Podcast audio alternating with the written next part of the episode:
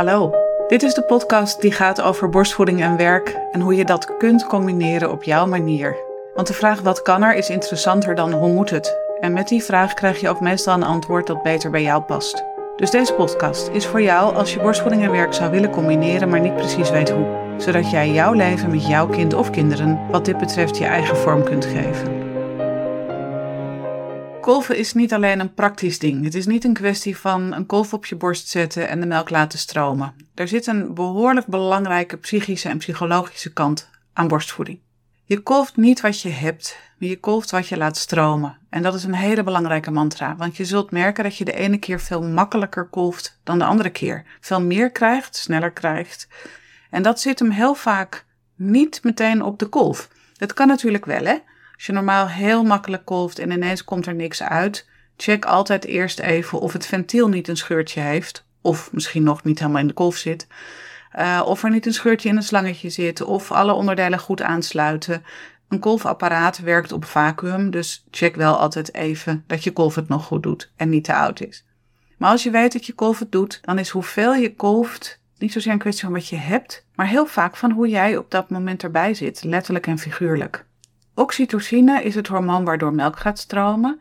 En dat ontspant, maar het vraagt ontspanning om vrij te komen. Je moet je op zijn minst een beetje veilig voelen. Wil je oxytocine vrij kunnen geven?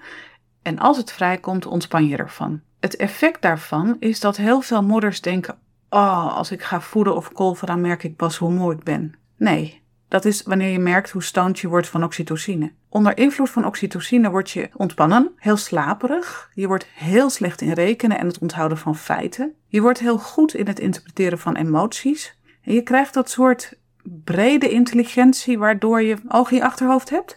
Ik weet niet of je het kent, dat je zit te praten met mensen met een jong kind die out of the blue ineens zeggen, wacht even, daar gaat iets fout. Dat je zelf denkt, nou, ik had het niet gehoord. Dat soort intelligentie ontwikkel je door oxytocine. Oxytocine komt in principe vrij bij weeën, maar ook bij huidcontact, bij het zien en aanraken van een geliefde.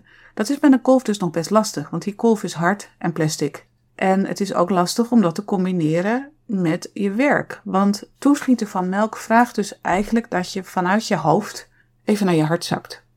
Maar daarna moet je wel weer omhoog als je aan het werk bent.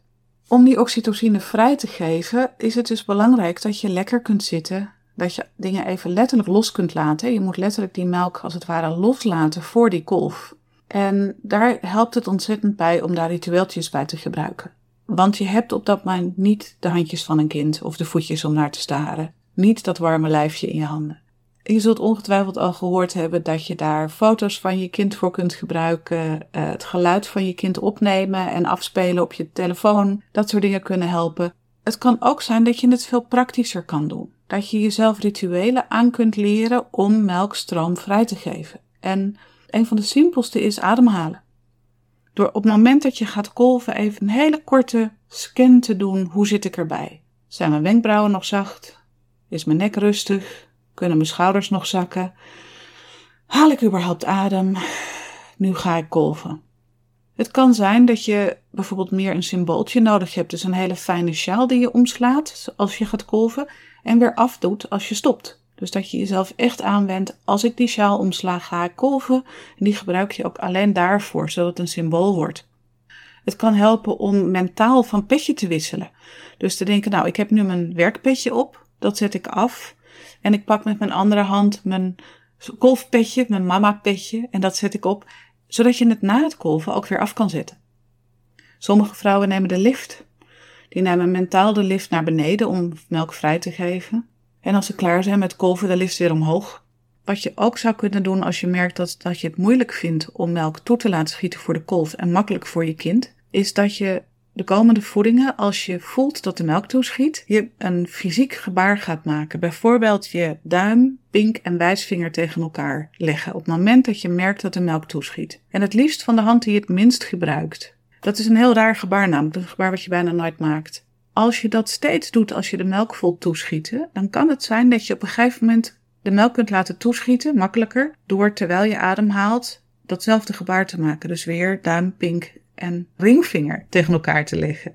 Of wijsvinger, mag ook. Het gaat erom dat je een vrij ongewoon handgebaar maakt, waardoor jij jezelf leert Dit associeer ik met toeschieten van de melk en zo kun je jezelf daarbij ondersteunen. Als je klaar bent met kolven, is het wel slim, zeker op je werk, om ook weer te stoppen met kolven. Want anders dan stap je je werk in met een ontzettend wazig hoofd. En dat is misschien helemaal niet handig met jouw werk. Als je symbool was, ik neem de lift naar beneden, neem je de lift symbolisch weer omhoog. Het kan zijn dat je van petje weer terugwisselt. Het kan ook zijn dat je ook dat stoppen met kolven en het weglaten vloeien van de oxytocine echt heel bewust moet doen door even kaarsrecht op te staan, je benen wijdbeens, je handen helemaal spreiden. Dat je echt even een power pose aanneemt of als een gorilla gaat staan. Hopelijk heb je een goede kolfruimte en ziet niemand je staan en knocking on heaven's door. Dat je dus je voeten stevig zet en je gaat met je bovenlichaam draaien, zodat je armen heen en weer flappen en je eigenlijk steeds op je eigen billen slaat met je armen. Een minuut kan al genoeg zijn om jezelf weer te activeren. Andere muziek opzetten? Iets, iets, iets met een stevig upbeat tempo. Ga jezelf aanleren om niet alleen de melk te laten stromen, maar de oxytocine daarna ook weer te stoppen, zodat je letterlijk kunt schakelen tussen nu ga ik kolven, nu ga ik werken. Nu ben ik mama, nu ben ik aan het werk, nu ben ik werkend mens. Want wat zijn twee verschillende manieren van zijn? Als dat ook niet werkt, dan is er syntocinon, dat is een neusspray met synthetische oxytocine. Die is verkrijgbaar via de huisarts op recept. En het leuke aan die neusspray is dat die vaak al werkt als je hem bij je hebt. Want als je op je werk bent en het is hartstikke spannend, of je hebt een heel naar gesprek gevoerd, of iets heel moeilijks moeten doen, en je denkt, oh gosh, ik hoop dat ik nu zo kan ontspannen, want ik ben zo gespannen als wat, dan helpt het ontzettend als je kunt denken, nou ja, als ik niet kan ontspannen, heb ik altijd mijn neuspray nog. En daardoor heb je dus kans dat je hem niet nodig hebt. Adrenaline remt melkstroom. Dus stel dat jij werk hebt waardoor je denkt, ja, maar ik kan soms niet kolven. Ik moet soms ineens heel hard werken en dan kan ik mijn kolftijd niet halen. bijvoorbeeld omdat je op de ambulance werkt. Of soms mensen moet kunnen reanimeren omdat je in een ziekenhuis werkt. Of dat soort dingen. Je zult waarschijnlijk merken dat je terwijl je aan het werk bent met zoveel adrenaline in je lijf, niet eens merkt dat je zou moeten kolven. En dat je borsten ineens aan de bel trekken op het moment dat je daarna kunt ontspannen. Dus dat is de leuke kant hiervan.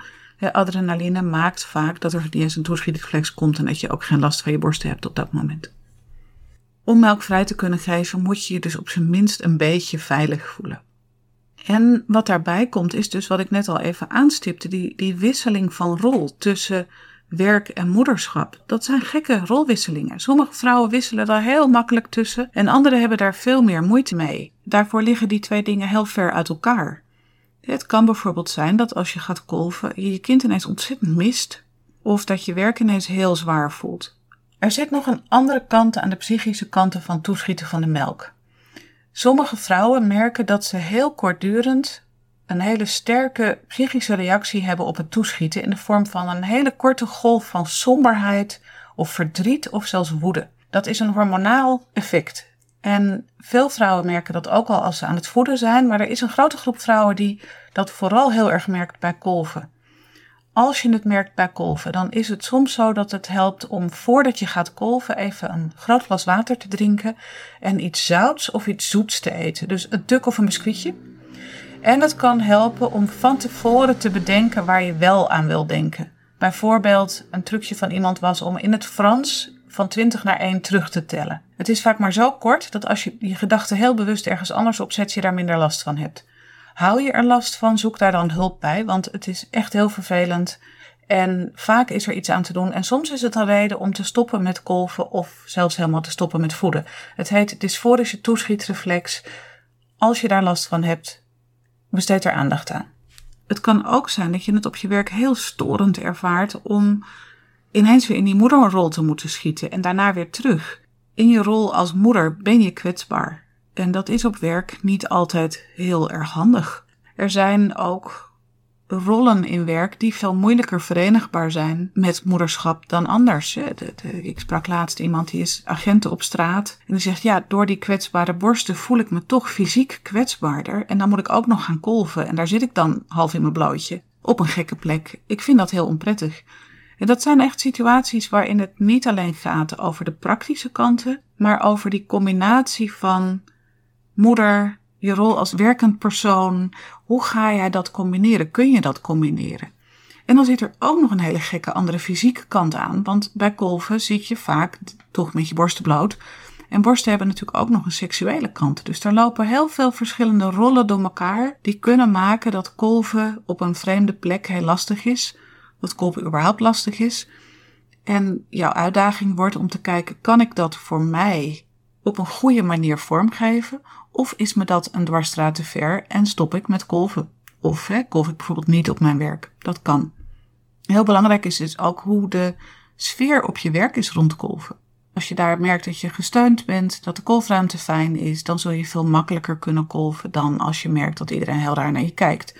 En dan wordt het spannend om te kijken, kan ik dat bespreken of kan ik een list verzinnen? Een mooi voorbeeld wat ik ooit hoorde van zo'n list was iemand die werkte op een groot advocatenkantoor. En ze voelde zich vreselijk ongemakkelijk als ze daar met haar kolftas door de ruimte liep. En wist gewoon iedereen weet wat ik nu ga doen. Dat ik daar straks bloot zit en ik werk niet. En... Haar oplossing bleek heel grappig. Die bleek namelijk te zijn: pak het allerdiekste dossiers wat je hebt. En draag dat over je kolftas heen, zodat mensen zien dat jij gaat kolven, maar ook nog werkt. Het effect was dat mensen haar goedkeurend toeknikten. Zo van, nou, dat is efficiënt. En ze zei, ja, eigenlijk werk ik helemaal niet terwijl ik daar zit te kolven. Maar het voelt zo anders als ik dat dossier meeneem en dat over mijn kolftas heen draag, dat daarmee dat kolven een heel stuk makkelijker ging. Als je dit gaat combineren, denk dan ook aan je kleding. Als je gaat kolven op je werk, denk ten eerste aan kleding die makkelijk open kan, zodat je je niet helemaal uit hoeft te kleden. Een leuk kokerjurkje is fantastisch, maar je moet het helemaal uittrekken, is geen fijn gevoel. Dus laagjes zijn handig. Van die kolf lijken heel handig, maar het nadeel is wel dat je ze helemaal om moet doen. Dus soms is het makkelijker om bij wijze van spreken dan enkel te kolven met één hand, zodat je niet zo'n heel ding om hoeft te doen. Of kijk even of je dat op een praktische andere manier vorm kan geven. Kolven en borstvoeding op je werk is ook een beetje het nodigt uit tot vlekken, laten we het zo zeggen. Bij kolven kan er een druppel vallen, er kunnen druppels in je kleding komen. Eh, als je bijvoorbeeld te lang in een vergadering hebt gezeten, dan kan het zijn dat je toeschiet voordat je bij je kolfapparaat bent. Pas ook je kleding aan. In effen lichtblauw zie je elke druppel op je blouse. Zwart lijkt veilig, maar droogt op in witte vlekken. Dus als je op een plek bent waar je zelf je kleding kiest, je draagt geen uniform, kijk of je tijdelijk stippeltjes, streepjes, bloemetjes kunt dragen. Uh, gemêleerde tinten zijn heel handig. Een sjaal mee is echt fijn dat je die over je borsten kan draperen als er toch een druppel toe dreigt te schieten. Als je in uniform werkt, zorg dat je een schoon shirt bij je hebt. Dat als het toch onverhoopt toeschiet, je een ander shirt aan kan doen en je zeker weet dat je niet met vlekken rond je borsten weer moet gaan werken. En dat is natuurlijk lang niet in elk beroep een ding, maar vaak wel. Hè? Bijvoorbeeld heel praktisch, als je op de kinderopvang werkt en er huilt een kind, dan kan het zijn dat je toeschiet. Gewoon omdat het huilen van een kind dat oproept. En dan is het heel lastig als je dat meteen ziet.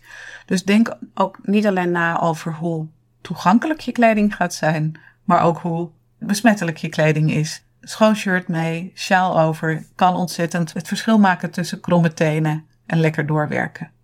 Samenvattend, hè, kijken of je die rolwisselingen tussen moeder en werkende vrouw zo goed mogelijk vorm kan geven op jouw manier.